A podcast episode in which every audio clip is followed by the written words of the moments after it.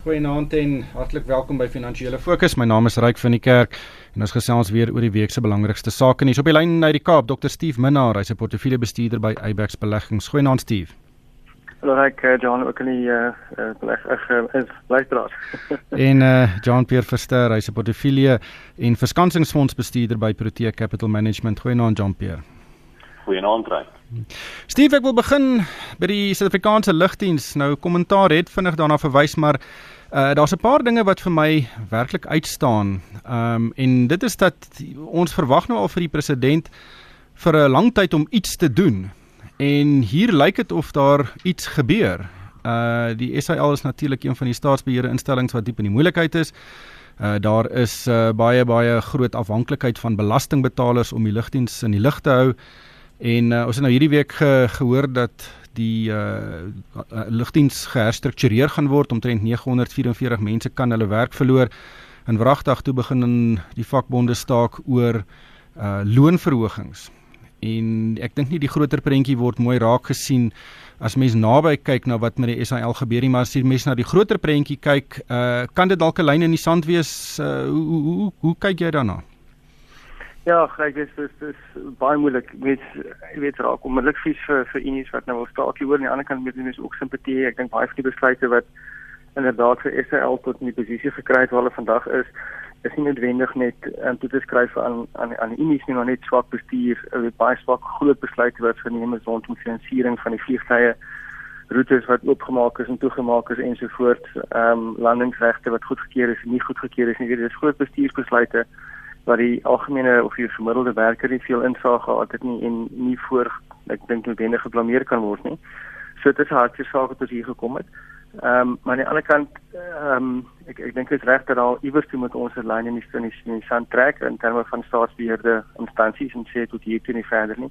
Die hoeveelheid geld wat ons elke jaar ingooi in Israel om dit aan die gang te hou is net onaanvaarbaar en dit kom van ons belasting af. Maak nie saak hoe hierdie sommetjies probeer maak nie. Dit is dis dis ons belasting wat daar ingaan en dit is eintlik 'n bodemlose put soos wat die besigheid op hierdie stadium bestuur word. Ek dink nie lugrederye per se is 'n slegte besigheid nie. As jy kyk kom hier um, is eintlik 'n heel uh, 'n goeie besigheid wat al baie jare in die gang is met goeie wins en dividende vir beleggers verskaf sonder enige subsidies of enige staatshulp. So dit is moontlik om lugrederye in die gang te hou, dit weet goed bestuur word. Jean-Pierre Ja, uh, die een punt waar ek effens verskil is is oor die kwaliteit van 'n liggedery as 'n besigheid. Dit is een van die moeilikste besighede in my opinie om om volhoubaar winsgewend te bedryf. Ek weet Kameer is amper 'n uitsondering uh vir die feit dat hulle jaar na jaar na al sedert hulle notering vir 'n paar dekades nou elke jaar 'n wins maak. Maar as mens kyk na die kwantum van daardie wins, kan dit so min wees soos R50 per kaartjie wat verkoop word, wat dan die winsmarge is. So as mens dink waar die SAL vandag is en hoe dit tans bestuur word teenoor waar dit moet wees in terme van hoeveel mense in diens geneem word en die effektiwiteit wat toegepas word in alle fasette van die besigheid. Voel dit vir my dat dit 'n groot gaping. En ja, die bestuur probeer hard met hierdie nuutste plan om te wys dat hulle ernstig is en uh en werknemers wil besnoei en meer effektief wees in wat hulle doen en hoe hulle uh, die besigheid bedryf. Maar uh, hulle is in 'n hoek half gedruk en die die unies het hulle in daardie hoek gedruk en ek dink nou sou ons moet wag en sien soos wat jy genoem het reik is die politieke wil daar om te sê nou goed laat God se water oor God se akker gaan laat die unies nou maar uh ehm um, voortgaan en staak en, en kom ons kyk hoe lank kan die lugredery aanhou op hierdie stadium lyk dit soos nie baie lank nie want hulle is afhanklik van die banke vir finansiering en die banke het gesê hulle gaan nie verder finansiering gee as die reg reg uh, reg rukplan nie implementeer word nie. So daar is 'n kans dat 'n paar maande van nou ons nie meer 'n nasionale rigredery gaan hê nie.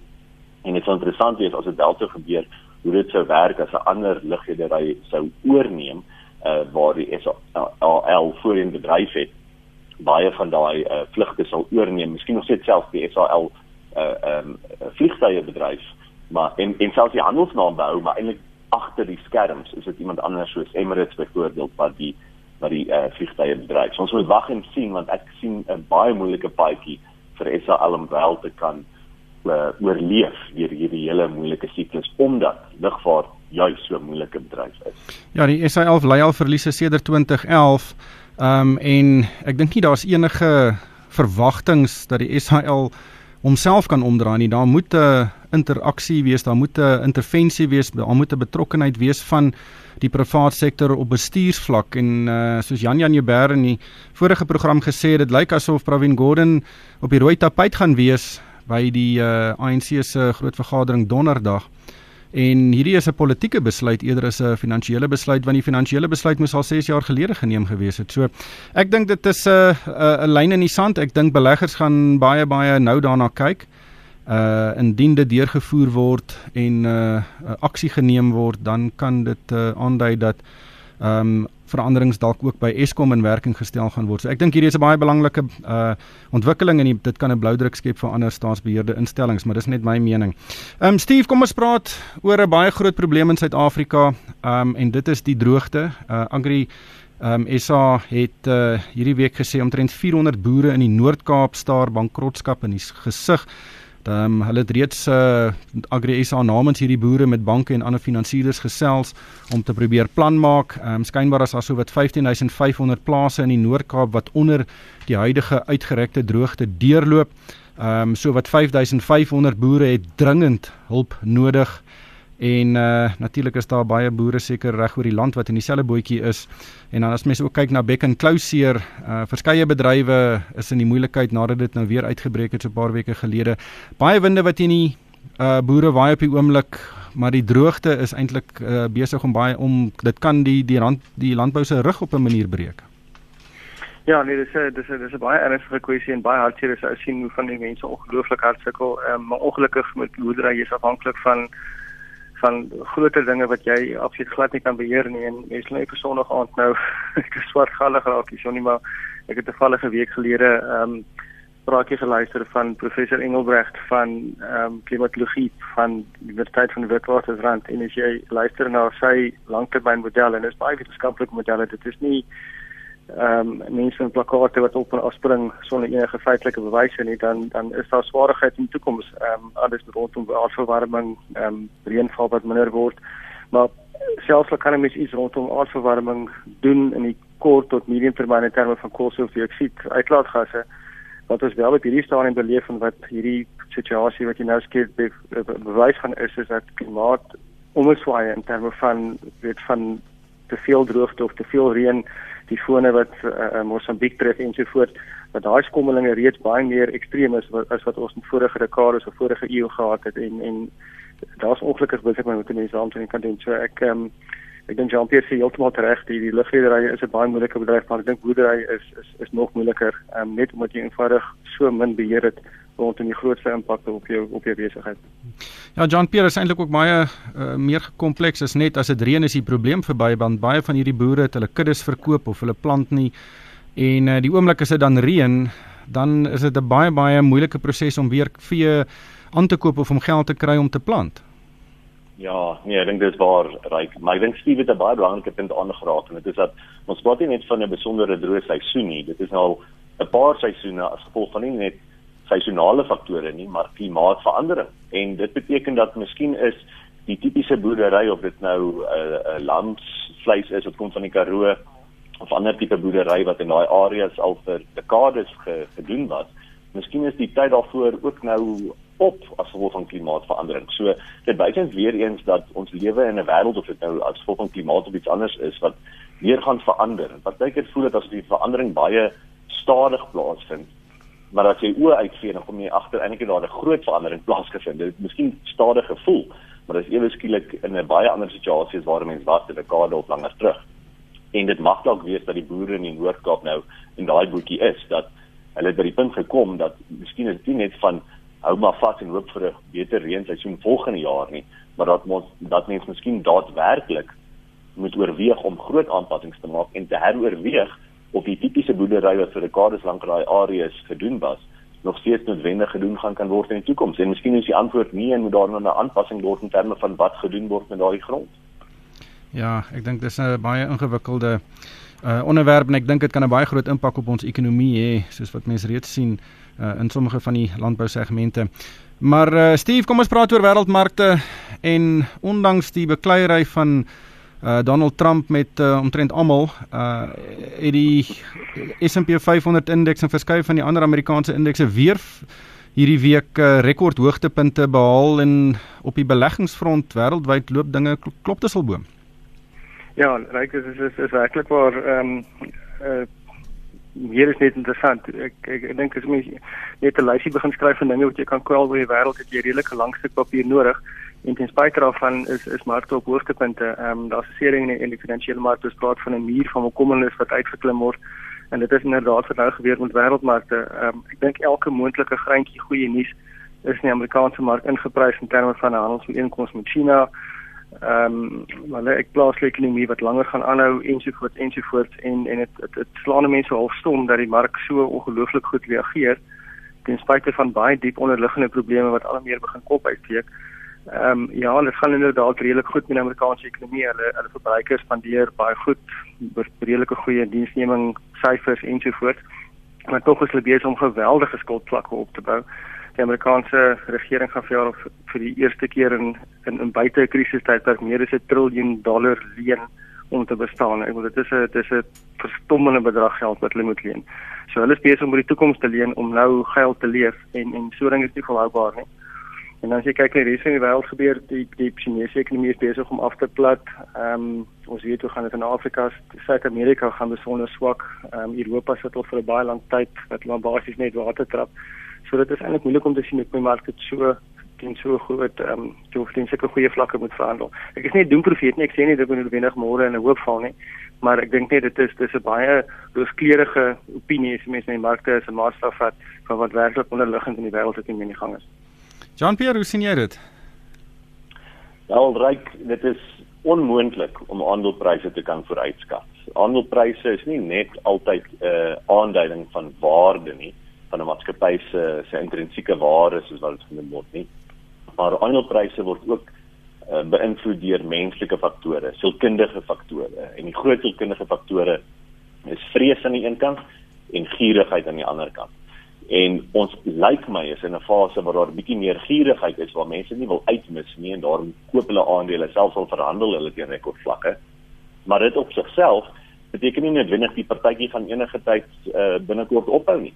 Uh dit is nou maar so dat daar 'n tendens is dat wanneer aandelepryse begin styg en mense begin geld maak, dat so 'n styging en 'n en 'n en 'n groter uh, um, verandering en verbreding tussen die verskil tussen waarde en prys regtig pryse na baie hoë hoogtes kan neem. So ons het geen idee waarheen hierdie pryse kan gaan nie. Maar wat ons wel kan sê is, as ons kyk na die onderliggende waarde van maatskappye, dan is die pryse besig om vinniger te styg as die onderliggende waarde van maatskappye. En dit kan vir 'n lang ruk aanhou, maar dit kan nie vir altyd aanhou nie. En op een of ander stadium moet prys en waarde weer bymekaar uitkom. Dis amper so swaartekrag. So uh, ek sê nie ek weet wanneer dit gebeur nie, maar ek weet wel dat ons is nou in daai fase dat pryse alreeds bo billike waarde is en verder begin wegtrek van billike waarde. So wees net versigtig. En al koop jy vandag aandele en jy maak geld in die volgende 2, 3 of 4 maande, moenie dink noodwendig jy is baie slim en slimmer as jy professionele fondsbestuurder en jy wil dit nou sommer self doen, jy gaan net sommer geld begin leen en begin aandele koop nie, want dit is nou amper die gevaarlikste tyd om dit te begin doen. Steve, die S&P 500 het sedert die begin van die jaar nou alreeds met uh, net so oor die 25% gestyg. Die JSE se indeks vir alle aandele is uh, 10% hoër en die JSE se indeks het ek sommer gemeet is in randterme en die S&P 500 in dollarterme. Nou dit is 'n uh, baie baie groot verskil.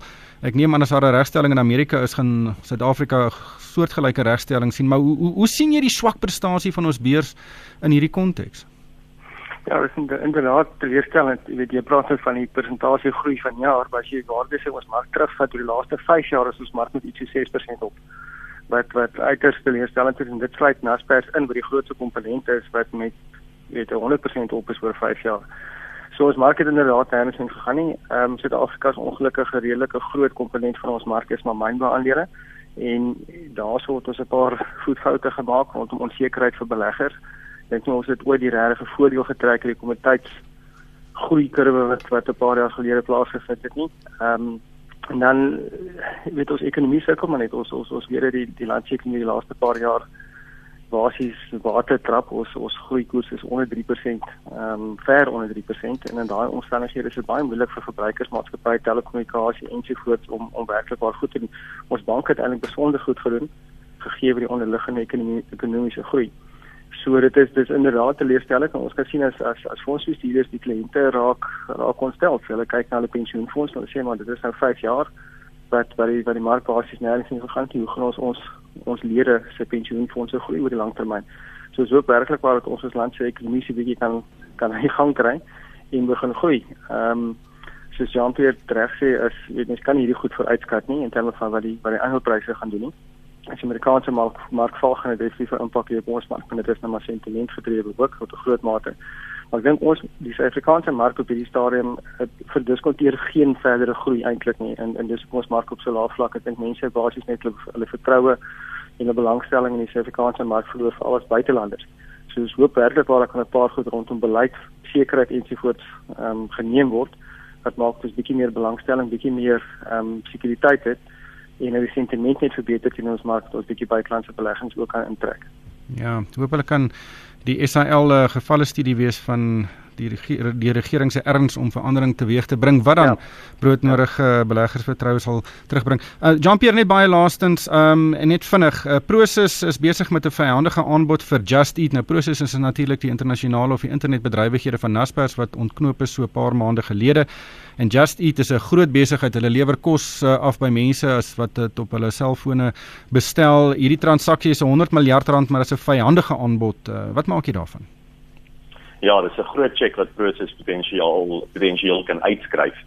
En ek seker besorgd eintlik oor hulle verdere uitbreiding in die voedselafleweringsbesigheid. Hulle besit reeds uh, 'n uh, groot deel omtrent 'n derde van uh, Delivery Hero wat genoteer is in Duitsland en 'n paar ander bedrywighede reg oor die wêreld direk of via Delivery Hero waar hulle sulke tipe bedrywighede het. En ons nog nie regtig internasionaal bewys dat mens baie geld kan maak deur hierdie uh, kosafleweringsdienste nie. Iets soos Uber Eats byvoorbeeld wat die Afrikaners sal ken of Mr D. Uh dis nog verliesmakende besighede. Baie van hierdie tipe besighede moet nog afslag aanbied vir mense om hulle te kry om liewers via 'n toep op hulle foon die kos te bestel liewers as om in 'n kar te klim en te gaan koop selfs by 'n wegneem eetplek.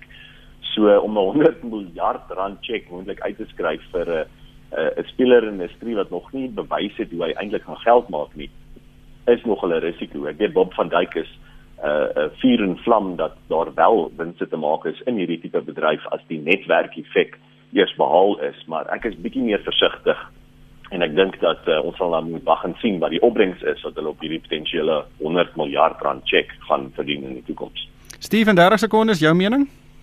Nee, ons is duidelik gekant in die transaksie. Jy weet om 100 miljoen te spandeer. Hulle moet tot 15 jaar 17 miljard per jaar terugmaak uit die besigheid uit om hulle opbrengs op beleggings te handhaaf wat hulle tot dusver gedoen het binne Naspers en ons kan nie sien hoe hulle 17 miljard rand wins gaan maak uit so 'n besigheid nie. Ehm um, ons dink sy sy sy besigheid was 'n bietjie te vol en dit is te maklik om haar geld uit te gee en ons kan glad nie die sin in hierdie transaksie sien nie van ons hulle daarmee los die tyd het ons ingehaal. Baie dankie aan Dr. Steve Minnar. Hy's 'n portefeuljebestuurder by Abex Beleggings en ook Jean-Pierre Verster. Hy's 'n portefeulje en verskansingsfondsbestuurder by Protea Capital Management. En vir my ryk van die kerk, dankie vir die saamluister en ek koop almal 'n winsgewende week.